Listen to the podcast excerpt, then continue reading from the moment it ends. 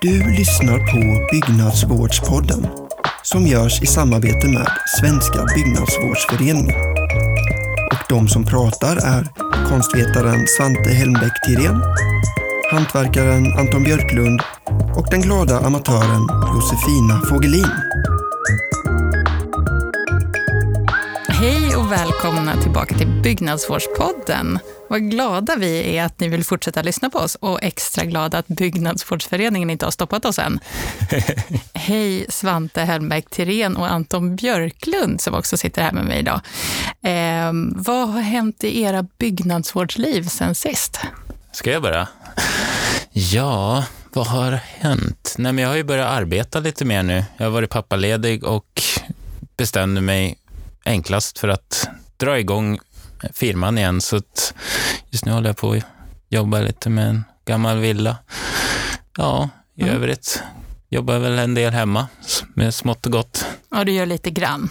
Bara lite pyttegrejer, lite här och där. Ja, precis. Just nu håller jag på att kitta om fönster som vi har fått från snickeriet och det är väldigt många spröjs till en glasveranda. Jag börjar redan ångra det där att vi tog så många spröjs.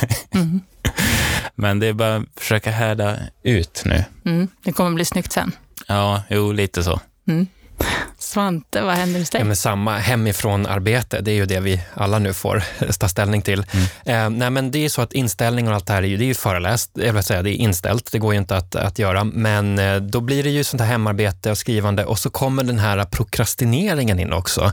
I vårt fall, det tror jag gäller alla oss tre, så är det ju Facebookgrupper om byggnadsvård, trådar, eller hur? Men jag måste säga att på sistone så har jag gjort ganska så här framgångsrik prokrastinering. Jag har faktiskt hittat spännande grejer, ställt frågor, hittat bilder och fått, eh, så sent som igår var det någon som la upp en tapetkatalog från 30-talet i någon grupp och då skrev jag, men donera den till Nordiska museet och det gjorde de. Så då tänkte jag så här, då har jag suttit hemma i soffan och ändå gjort någonting En typ kulturgärning. produktivt. Kan, ja, eller det var ju den personen som gjorde gärningen, men Ja. lite sådär. Så det, det är den Bra. tiden just nu, eller hur? Skrivbordsbyggnadsantikvarie eller bygg, vad kallas det för? Mm. Jag vet inte. Skrivbordsaktivism kanske? Ja. Låter bra. Du då Josefina? Eh, Ja, vad händer hemma hos mig? Det är en lerig period i vårt byggande. Vi vill att vårt hus ska bli någorlunda lite klart så vi kan flytta in i det, men det känns som att det aldrig kommer hända. Vi, har, eh, vi skulle ju ha bott i huset vid det här laget, men vi har inga golv, vi har ingen el, vi har inga... Jo, nu har vi faktiskt ett tak. Eh, Vi har inget badrum, inget kök, inget avlopp. Är det något mer som vi inte har? Vi har väggar. Det har Det är det vi har. Ja. Ja, snygga väggar. Bra. Och ett eh, snyggt tak nu också. Mm. Så jag är ganska opepp just nu. Mm. Det är liksom den här november, snart november, kallt och rått och lerigt här. Det, det är träligt nu. Men ändå vet du någonstans att det kommer ju Det kommer en sommar. sen, eller? Ja, När huset kommer i ordning. Ja. Det kan ju Du får komma värre. ihåg de där sommardagarna när du la upp de där Mm. Instagram-bilderna. Ja, visst. Är det sant Mm. att vi bor här? Ja, ja, det var det. Och sen blev det bara liksom drömkåken, den här filmen med Björn Skifs och alltihop. Nej, det kommer bli bra. Ja. Det är bara lite, det är lite mycket november just nu. Ja. Det här är då som sagt Byggnadsvårdspodden som är Svenska Byggnadsvårdsföreningens podd om just byggnadsvård. Vi är väldigt glada att ni vill lyssna på oss, men om ni också skulle vilja prata med oss, hur gör man då Anton? Eh, ja, det finns ju lite olika metoder kan man väl säga, men enklast är väl kanske att man mejlar till kansli byggnadsvard.se. Hörni, vi ska ta och ringa upp en eh, långväga gäst, nämligen Ariana Benigno, som är länsombud i eh, Svenska Byggnadsvårdsföreningen. Är du med oss, Ariana? Ja, ja visst. Du, du sitter långt bort, eller hur? Ja, eh, just nu jag befinner mig i Italien. Ja, Oj. Jag besöker mina föräldrar efter, vi har inte varit här sedan februari faktiskt. nej. Så, Ja, så de är alla jätteglada just nu faktiskt. Det är är här. Vi tänkte ju prata med dig lite grann om hur det är att vara länsombud och vad du gör som länsombud.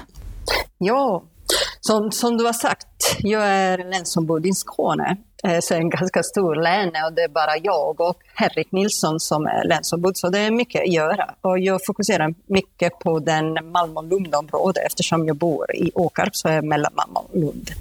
Jag har varit länsombud sedan 2015. Och jag startade vara länsombud eftersom eh, jag ville gärna rädda ett hus som fanns i Håkarp, eh, Stinshuset i Åkarp, som revs tyvärr eh, 2018.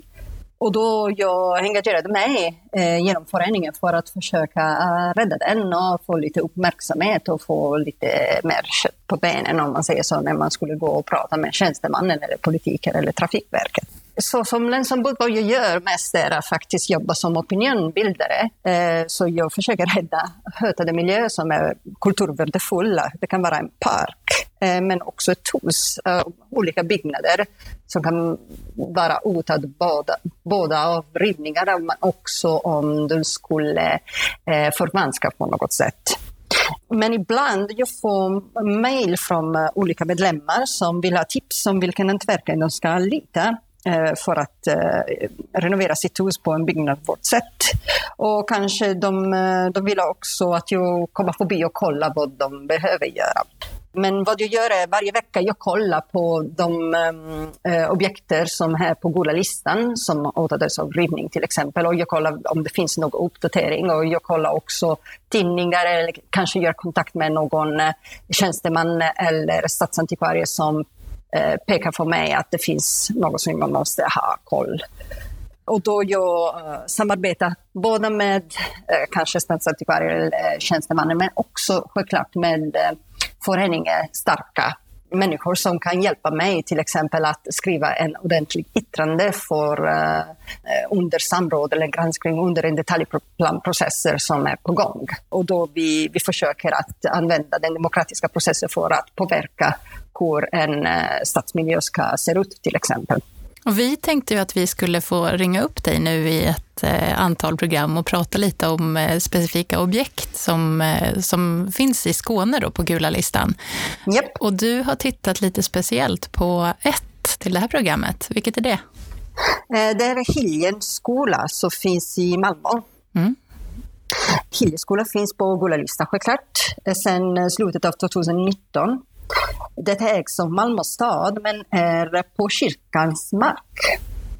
Och det var så att i slutet av 2019 kyrkans planer var att köpa skolan för att riva den och bygga en ny skola.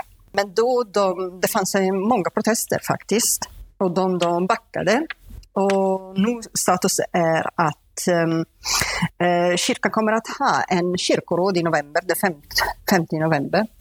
Och det, det har pågått en eh, diskussion mellan kyrkan och kommunen eh, men, om planerna, men det finns ingen som vet vad exakt ska hända.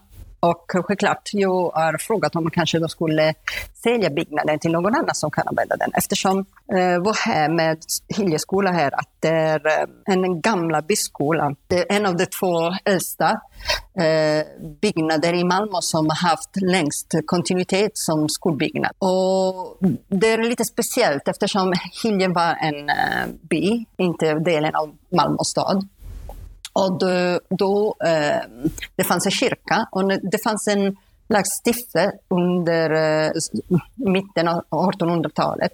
Det, det, mm, varje församling skulle, eh, skulle anordna undervisning. Och då eh, det uppfördes eh, 1878 den iljeskola för att fixa den delen Mm -hmm.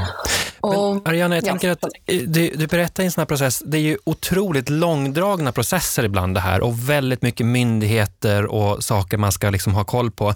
Hur gör man för att hålla uppe energin och engagemanget, att inte bara krokna under alla turer fram och tillbaka? Mm. Ja, men det, det, det bra grejer är att ibland det finns också andra människor som blir intresserade och då man, när man känner inte sig ensam, då man får lite mer energi och säger okej, okay, det finns någon annan också som ska stötta mig. Mm. Och det har blivit så till exempel på andra ehm, um, objekt, till exempel Galten i Lund. Det finns faktiskt en förening som har bildat specifikt för att rädda kvarteret i Lund. Eh, när man tänker på Malmö, eh, på Hiljem skola, det, det, den bra grejer är att det, det var så många människor som blir engagerade sig att protestera och då man säger okej, okay, det, det finns många som brinner för att eh, bevara huset. Och då det, man, man vill faktiskt eh, kämpa på. Mm. Det är ju jättebra, så att det gäller att göra det inte ensam, eller hur? Det är väl det kanske som är det Exakt. allra viktigaste. Eh, åtminstone för mig, ja. Ja, jag mm. förstår. Ja, men du, tack så hemskt mycket för det här. Det kommer ju flera saker. Du har ju gjort otroligt många sådana här kampanjer, så vi kommer ju komma tillbaka till dig, Arianna, och prata ja. mer. Tack så hemskt ja. mycket. Tack. tack. Länsombuden de är ju alltid aktuella för Byggnadsvårdsföreningen, men något annat som hände nu för några veckor sedan, det var ju eh, utdelningen av eh, priset Årets byggnadsvårdare. Ja. Mm. Kollade ni på eh, livesändningen? Ja. ja. Och vem fick priset? Det var ju Erika Åberg ju som det. nu är rikskändis mm. sedan ganska länge i och för sig va? och ett av de mm. stora namnen. Jag tycker det var väldigt fint att hon fick priset därför att hon har verkligen visat för så stor publik. Jag tror ingen har liksom nått den skalan som hon har gjort. Mm. Alltså hur man faktiskt kan göra praktisk byggnadsvård. Mm. Så att det var väl förtjänt och sen är det ju inte bara tv-programmet. Hon har ju också skrivit till Gård och Torp och massa mm. grejer så hon har haft en väldigt bred verksamhet länge. Så mm. att, eh, det var rätt tycker jag att ja. hon fick priset priset. Absolut. Ja, verkligen. Välförtjänt. Mm. Priset delades ju ut på Vinden på Stockholms Storkyrka. Mm. Det är en ganska udda plats kanske för att dela ut ett mm. pris på. Eller hur, hur kommer det sig att man var just där? Eh, jag tror att det var så att vårt länsombud eh, och eh, styrelsemedlem Robert Danielsson som ni kanske känner igen som ödehusperson. Han hade lite kontakter där i kyrkan, så då fick vi komma upp och kolla. Eh, och bland det häftigaste där uppe, det var ju, det finns en smedja där uppe, eh, men det var ju ett, ett tramphjul mm -hmm. från 1500, början på 1500-talet. Oj. Ett tramphjul som jag inte hade någon aning vad ett tramphjul var innan Nej. jag kom dit. Stefan, Stefan Fickle, vår verksamhetsledare, han var eld och lågor. Det, du ska få se. Tramphjulet, Josefina. Ja, ja, okej. Okay. Eh, det ser ut som ett jättestort eh, hamsterhjul, eh, fast för, för, människor. Eh, och eh, det användes för att eh, hissa upp riktigt tunga grejer i det här tornet. Eh, så man fraktade upp både timmer, hästar som skulle dra det här timret då mellan olika delar av tornet och de här jättetunga kyrkklockorna som också finns där uppe. Oj. Mm, väldigt mäktigt faktiskt. Och det är inte så stort hjul ändå. Det är en person som går i det där hjulet. Eh, och då kan det alltså eh, generera så pass mycket kraft att man mm. kan få upp det här. Det var riktigt Fick häftigt. ni pröva det? Ja, Stefan han sprang runt som en liten hamster i det där hjulet. Jag gjorde aldrig det, men eh, ja, det såg Det är kanske är en av de bra effekterna också av corona, det här med att när man inte kan vara i vanliga liksom, seminarierum och samlingslokaler så, där, så får man ta till sig då med kyrkvindar och... Ja, en liten trång vind där ja. alla kan tränga ihop sig. Mm. An annorlunda utrymmen. Det är väldigt Ja, det var ju trångt eh, och egentligen var det ju tanken att vi skulle kunna vara lite fler. Men nu blev det ju väldigt nerbantat, så vi var ju kanske, vi var inte ens 15 personer där uppe. Mm.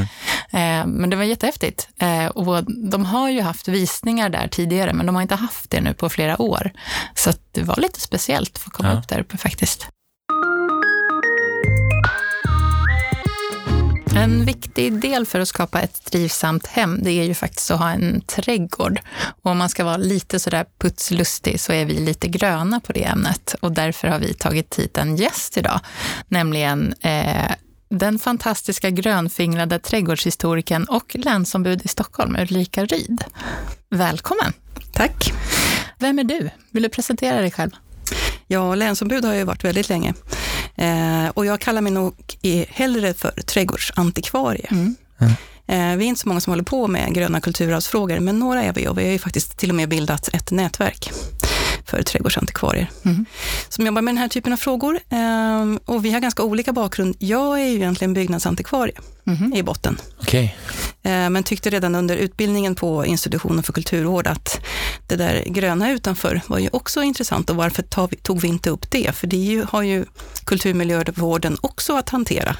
Man kanske inte alltid jättestor kunskap om, så att jag tyckte redan då att det här vill jag ägna mig åt. Mm. Och jag var den första som skrev uppsats om det också, Aha. på institutionen. Och sen så klev jag ut och så stannade jag där ute. Mm. jag klev ut genom ytterdörren, fast jag har ju inte släppt byggnaderna ändå. Mm. Med, på det sättet att jag tycker att det är viktigt att se till hela miljöer. Mm. Det, det, är väl någonting som många missar idag, att man, man kan vara väldigt intresserad av byggnadsvård och sitt eget hus och sen köper man en trädgård från Bauhaus, en tysk trädgård, typ. Mm.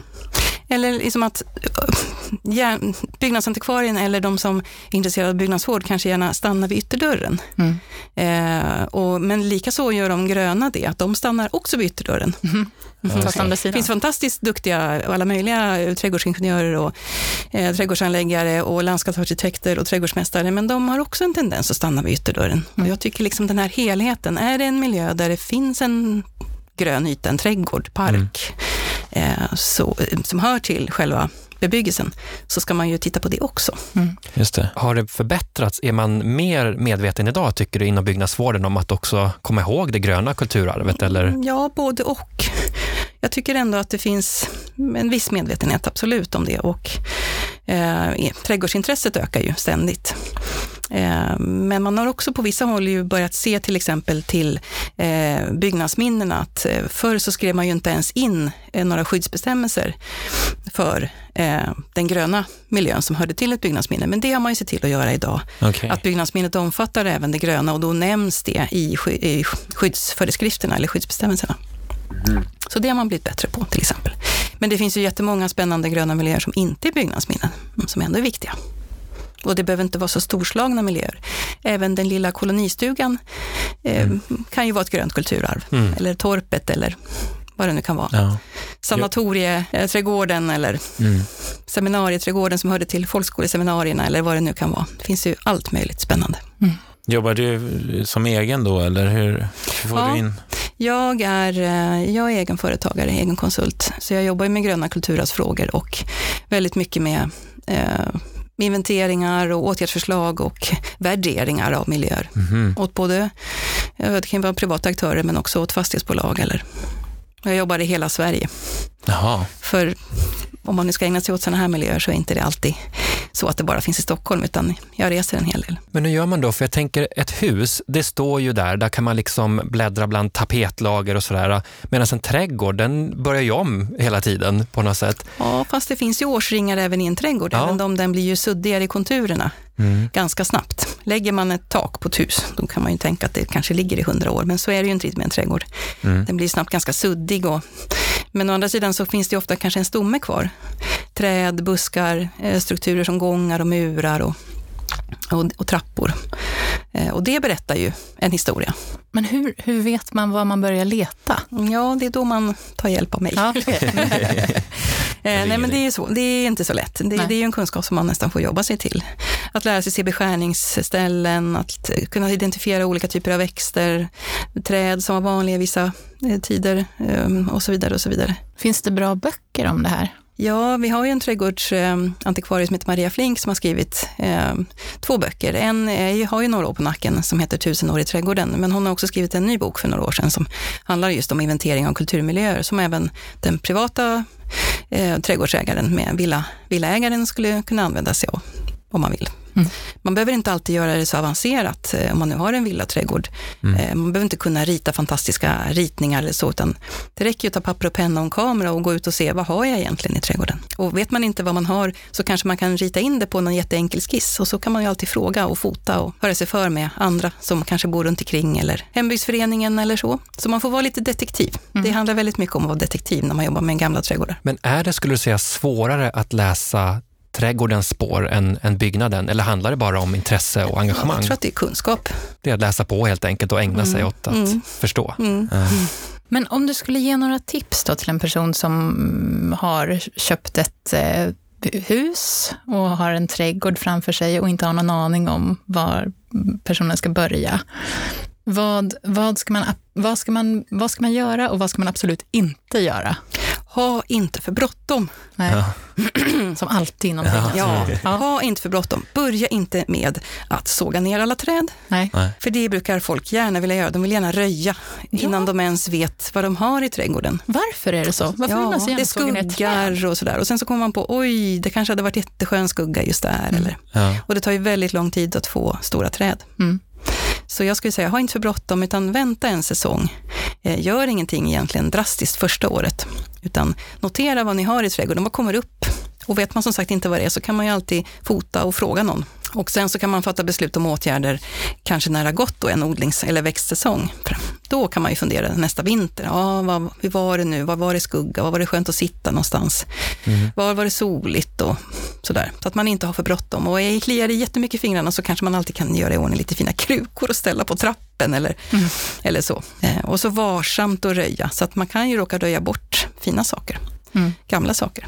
Ja. Som bara kanske har varit lite, eh, varit lite dåligt gödslade eller, eller liksom hamnat i skuggan. Så om de får ljus och luft så kanske de eh, kan bli en prydnad igen för trädgården. Om man har en trädgård som redan är helt förstörd, träden nerhuggna, allt är borta. Finns det något man kan göra? Absolut. Man kan ju också läsa på då lite grann vad som kanske passar i husets stil. Om, och, och det går ju att återskapa. Absolut. Man kan köpa både äldre växter och, och ganska stora träd och buskar. Så det går att, det, hoppet är liksom inte ute. Man måste inte asfaltera. det känns bra. Jag hade faktiskt väldigt tur när vi flyttade till vårt eh, tidigare hus eh, i Åkersberga. Så eh, på växtförsäljningen där så var det väldigt kunnig personal. De hade faktiskt jobbat på Skansen. Mm. Så de kunde säga, så jag kunde säga mitt hus är från 1905 och så kunde de säga okej, okay, men då ska du ha den plantan, den och den och den, men inte den kanske. Och det var ju en jättestor hjälp. Men annars ja. är det ju svårt att, att få tag på mm. personer som kan. Absolut, då får man ropa mm. på sådana som jag kanske. Mm. För jag gör ju sådana eh, rådgivningsbesök också. Mm. Där på plats, där, man kan, mm. där kunden kan få eh, peka och fråga och, mm. och, få hjälp på det sättet. Jobbar du med skisser då? Eller hur, hur ja, det kan jag också ja. göra. Det är liksom ett steg vidare då om, om Eh, man kanske vill både förnya och sådär men inte vet hur. Så då, då mm. Eh, kan jag göra en idéskiss mm. som man inte behöver följa slaviskt, men man kan ha som en grund och jobba efter allt eftersom. Sen så, jag jobbar också med eh, allt från idé till färdig trädgård, så att jag både ritar och anlägger och planterar och sköter mm. en hel del. Men om man ser nu, eh, väldigt mycket av husforskningen har ju blivit det här med att det går in i släkthistoria och människor och sådär, den typen av kunskap. Ehm, om man nu återskapar sin trädgård eller får kunskap om den, vad, vad berättar det om, om husen? Vad, vad, får man för kunskap av att sätta sig in i det gröna? Jo, men det är ju väldigt spännande, med, även med äldre privata trädgårdar så var det ju ofta stor husbehovsodling. Mm. Eh, och det kan man ju ta tillvara den kunskapen. Det är ju jättespännande. Och varje plats och varje trädgård har ju en historia att berätta om folket som bodde där och liksom husen och, och vad som odlades. Och ofta har kanske plantor gått i arv om det är äldre trädgårdar. Eh, om det finns en his sådana historier är det fantastiskt spännande att hitta. Verkligen. Jag tänker på, vi har ju en gård på Öland mm. som vi spontant köpte. Lite sådär. När vi hade lägenhet. Vi hade inte tänkt att ha två projekt, men nu vart det så i alla fall. Eh, och den tomten är ju rätt så stor, där det finns en, eh, en stor fruktträdgård, kallas det. Eller ja, det var ju nästan en fruktodling kanske man kan säga, med mycket äppelträd och ja, alla olika typer av träd. Och där hittade vi en bok när vi hade fått tag på huset, alltså att det fanns sparat en gammal protokollbok där de hade ett fruktsällskap i den lilla byn. Oh, där det fanns ett protokoll. Liksom. Ja. Det är ju fantastiskt, sånt hittar man ju nästan aldrig. Nej. Vilken spännande historia ja. om platsen. Och, oh. ja, det stod så här årets skörd och ja, mm. det lite olika protokoll och sådär. Och det gav ju verkligen en, eh, ja, men en tyngd eller någon, på något sätt en extra dimension av den här trädgården, då, som trädgårdens historia. Mm. Och mycket av de träden finns ju kvar idag, är fortfarande frukt och sådär. Och sen när man gräver lite kan man hitta olika gångar med ja, Ölands, Ölands kalksten och så vidare. Då. Så, så, man ser ju att det finns, det finns en tanke, även om, som du Svante säger, att mycket kanske är överväxt eller sådär. Och det är ju rätt så kul, man kan hitta mm. spår också. Ja, verkligen. Jag tänker förr fanns det ju väldigt mycket mer kanske såna här trädgårdsföreningar och odlingssällskap och så här. Är det mycket arkivmaterial man kan ha nytta av för att ja. forska? Eller? Alltså det är, arkivmaterial det är ju en hel historia i sig. Det är ju väldigt spännande att leta och eh, det beror ju på hur stor eller liksom eh, Alltså privatträdgårdar har ju sällan något arkivmaterial om man inte kan hitta någon, eh, någon som har bott i huset och kanske har äldre foton eller om grannar kan ha haft och sådär. Men Annars så är det ju hembygdsföreningar, om det är på, på landet, eh, kan ju vara till stor hjälp. Där, de kan ofta ha foton och så, så dit kan man ofta vända sig eh, och göra ett försök. Eh, så där kan det finnas historier, absolut. Även nedskrivna ibland kanske. Mhm. Annars så är det väldigt sällsynt att man hittar sådana där saker som du berättade om. Men det, det förekommer ju ibland att man hittar, alltså är det gårdar så kan det ju finnas gårdsarkiv, inte heller så vanligt, men det kan finnas. Kan finnas. Annars är det ju, ehm, alltså arkivsökning som sagt, är väldigt spännande eh, och man kan hitta på oväntade ställen saker som kan ändå ge upplysningar, absolut.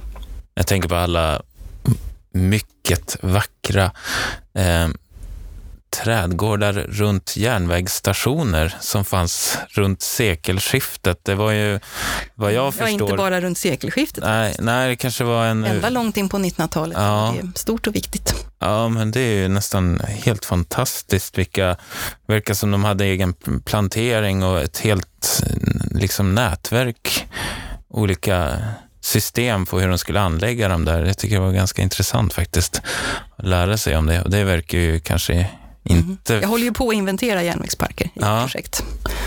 Det är väldigt spännande. Det som finns kvar, det är ju inte jättemycket. Hur kommer det sig att det satsades så mycket på järnvägsparker? Ja, alltså varje station, varje, hur stor och liten den än var, så skulle det finnas en plantering till. Mhm. Det var, var lika viktigt som stationshuset. Det var liksom mer ända från början i SJs verksamhet. Mhm. Man hade trädgårdsdirektörer och så. Ja. Det pågår ett forskningsprojekt som är delvis finansierat av Trafikverket och på Institutionen för kulturvård. Och jag medverkar där och eh, hjälper till att inventera. Jättespännande. Eh, Och hur, ja, hur det kommer sig? Jo, men man ansåg att man skulle sprida liksom den goda smaken ut i, ut i Sverige och visa på hur en representativ byggnad skulle se ut och med dess planteringar, det var lika viktigt. Ja, just det. Och sen är det också alla nyttoodlingar som hörde till järnvägen. Alla banvaktsstugor och eh, banmästarhus och allt sånt där skulle ju också ha fruktträd. Och, Fast en helhetssyn helt enkelt. ja, det var en Ja. helhetssyn. Det var, det var, SJs planteringsväsende var väldigt stort Ja. och viktigt. Och vad har hänt med de här trädgårdarna idag? Ja, eh, man la ner planteringsverksamheten 1973 och eh, det levde ju kvar, för det fanns ju enskilda stationsföreståndare som tyckte det var viktigt. Eh, men så småningom så, så har de ju eh, mer eller mindre försvunnit. Och man har ju också nu eh, sålt av väldigt mycket stationshus, så att, eh, det, det är ju inget som har värdesatts på ganska lång tid, men man kan ju hoppas att, man kan ju hoppas att det skulle, att det, ja min förhoppning är ju eh, att det skulle kunna återskapas en del för att skapa en trivsam, trevlig eh, miljö för resenärer. Ja, det vill man ju fortfarande ha Ja. när man åker tåg. Men om man, om man vill leta upp en, en vacker järnvägsträdgård, då, eh, finns det, har du något exempel på en... Topp tre. Topp tre, Topp tre. oj. Mm. Alltså det är egentligen inte en stationspark, men Karl Johansparken i Norrköping hör ju ihop med stationen Mhm. och har fungerat som en stationspark och det är ju verkligen, den sköts fantastiskt fint och eh, visar ju på hur en, eh, en stadspark från sent 1800-tal kunde se ut med fontän och Eh, de konkar ut eh, stora såna här exotiska växter eh, varje vår och sådär, så att de är väldigt ambitiösa där. Ehm, sen finns det ju väldigt mycket lämningar som kanske inte då är så uppmärksammade och så välkända, men de finns kvar och det är mycket från 50-talet. Men där, de har ju liksom inte samma, de är lite bortglömda, men om man vet vad man ska titta efter så, så finns det en del kvar, bland annat av alla ställen i Undersåker. Mhm. Där finns det en, Gösta Reuterswärd var trädgårdsdirektör och ritade om väldigt mycket stationsparker på 50, 40-50-talet. Och där finns det en sån liten typisk Reuterswärd-park. Mhm. Så det kan man titta efter om man passerar. Spännande. Då har man någonting att se fram emot nästa sommar. Och göra en det var två tips. Ja, Mm. Parks. topp två i alla fall. Mm. Jättebra. Jag är lite nyfiken på om det finns trender inom trädgård eller byggnadsvård och trädgård. Alltså det finns ju trädgårdstrender, men det är ju inte alltid så trädgårdshistoriskt. Eh, Men någonting som kanske inte är en trend, men någonting som är väldigt roligt är att eh, det finns ju någonting som heter programmet för odlad mångfald vid, eh, vid Alnarp.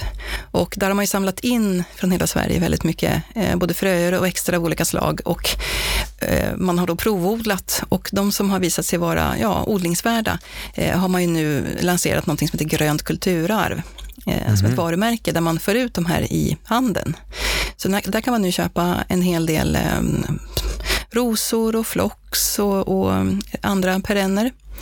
Eh, och då får man också historien bakom, var de hittades någonstans och vem som har odlat dem och lite så. Väldigt trevligt. Så om man har en äldre trädgård kan det ju passa att titta i, är det sortimentet. Men det vet jag inte om det är en trend, men det är i alla fall någonting som hela tiden eh, lanseras nu. Varje år kommer det nya sorter. Jättekul. Vad roligt att ha dig här, Ulrika Ryd. Eh, vad kommer hända i ditt eh, trädgårds och byggnadsvårdsliv här länsombudsmässigt framöver? Ja, jag brukar ju gärna ordna trädgårdsvandringar och trädgårdsvisningar. Eh, ibland med, från sådana objekt som jag själv har jobbat med som kanske man inte kommer åt, eh, som är privata och som är med byggnadsminnen. Eh, nu har det väl blivit lite stiltje den här sommaren på grund av pandemin. Mm. Men förhoppningsvis, eh, man är ju ändå utomhus och förhoppningsvis så kommer jag kunna ha någon sån trevlig trädgårdsvandring igen i, i vår eller i sommar. Just det, och om man vill gå med på dem så får man hålla span på Byggnadsvårdsföreningens hemsida, byggnadsvård.se, under kalendariet där, för där brukar de dyka upp. De brukar ju vara väldigt populära, jag för mig. Väldigt. De brukar vara ja. populära. De brukar bli fulla. Så boka snabbt. Ja. ja. Tack så mycket för att du kom hit. Tack.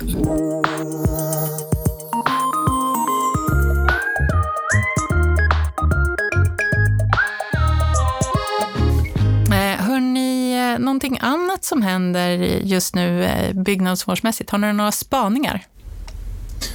Ja. Jag funderar ju lite på en grej, men jag vet inte om det handlar om att eh, min, min egen situation är sån att jag, jag ju har ett hus utan någonting annat än väggar, så att jag kan ju inte hålla på och dutta. Jag är mm. ju annars, jag gillar ju att dutta. Jag gillar att flytta på liksom, eh, detaljer och tänka på vilka färgsättningar, jada jada, på tapeter. Eh, det finns ju inte så mycket sånt i mitt liv just nu, utan allting handlar bara om lera i dubbel bemärkelse. Lera utomhus, lera inomhus, mm. eh, lera överallt. Eh, men min spaning är att vi börjar bli lite trötta generellt på Instagramkonton mm. med byggnadsvårdsstil, som bara pratar om byggnadsvård som en, eh, ja. Eh, ja, som, en, som, en, som ett mode, som en stil. Nej, men det tror jag också, att eh, särskilt nu när vi är, liksom, skärmtiden har ju bara mångdubblats nu när vi liksom mm. är, är, instängda under corona. Jag tror också det där att, eh, det är klart, byggnadsvården har ju såna här väldigt tydliga symboler, linoljefärg och såna här saker. Mm. Men det handlar ju om så mycket mer. Så det är svårt det där, liksom, hur många fler eh, linoljefärgskonton ska man följa eller finns det fler sätt att se på det? Så jag förstår vad du menar. Jag tänker också att, att det är ganska bra att eh, en trötthet på vissa saker gör ju att man kan bredda och hitta ännu fler liksom, mm. olika sätt att titta på det. Ja. Jo, nej, nej, men jag delar nog den analysen därför att personligen så tycker jag ju det här görandet, det är det som är roligare, inte den här färdiga produkten. Så det är därför jag tycker det är ganska roligt att vara öppen med vad, vad är det vi håller på med, liksom, för att det är så man lär sig också. Mm. Så det är väl typ lite sådana konton jag följer, som är flitiga med att lägga upp tips och Ja, men saker när det blir fel också. Det händer ju mm. man har gjort fel. Ja, det älskar jag faktiskt, när folk erkänner att de har gjort fel mm. och berättar hur de gjorde istället. Ja. Och kan vara öppna med det. Ja, men exakt. Då kanske man slipper göra samma ja, misstag. Visst. Plus att det är skönt att se att inte andra heller är så himla perfekta hela tiden. Nej. Det tänker jag nästan vi kan göra som en uppmaning till våra lyssnare också, därför att vi har pratat om det här i förra programmet också, att det är ju svårt ibland på nätet, ni vet, med stämningen, tonläget, att det kan bli väldigt så här, nej, skambeläggande och, och hårt och sådär. Och ju mer vi delar med oss av att det går fel, för det gör det för alla, desto bättre tror jag att vi kan liksom komma överens och, och utveckla det här. Mm. Så att dela med er av det som går helt åt helvete. Det är jättebra. Ja, men kan ni inte mejla oss ja. och berätta om ert värsta byggnadsvårdsmisstag? Ja. Ja, kansli snabel byggnadsvard.se finns vi på. Bra. Ja. Så kan vi dela, vi kan ju köra ett också. Absolut. Vara lite snälla. Absolut, det ska vi. Eh, något av Måste bara fundera tusen. på vilket av alla. Mm. Eller hur? Ja, men det är lite så. Hörni, det är dags för oss att avsluta. Ja. Ehm, men nästa program, vad kommer det handla om? Då går vi in på den här också klassiska byggnadsvårdsfrågan, färg, färgsättning. Ja. Ehm, och då ska vi prata mycket mer om det här, liksom, dels hur man kan ja, fundera kring hur tar man till sig kunskapen. Det är väldigt svårt med färg tycker många, men sen är det ju väldigt roligt också, så det ska vi prata mer om då. Mm. Ja, det ser vi verkligen fram emot. Det gör vi. Det var allt för oss idag. Tack så mycket för att ni lyssnade. Vi hörs igen. Hej då. Hej då. Hej.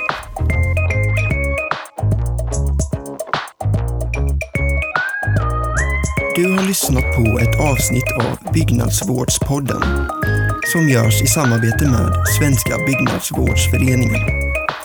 Du hittar oss på sociala medier och fler avsnitt på www.byggnadsvard.se. Tack!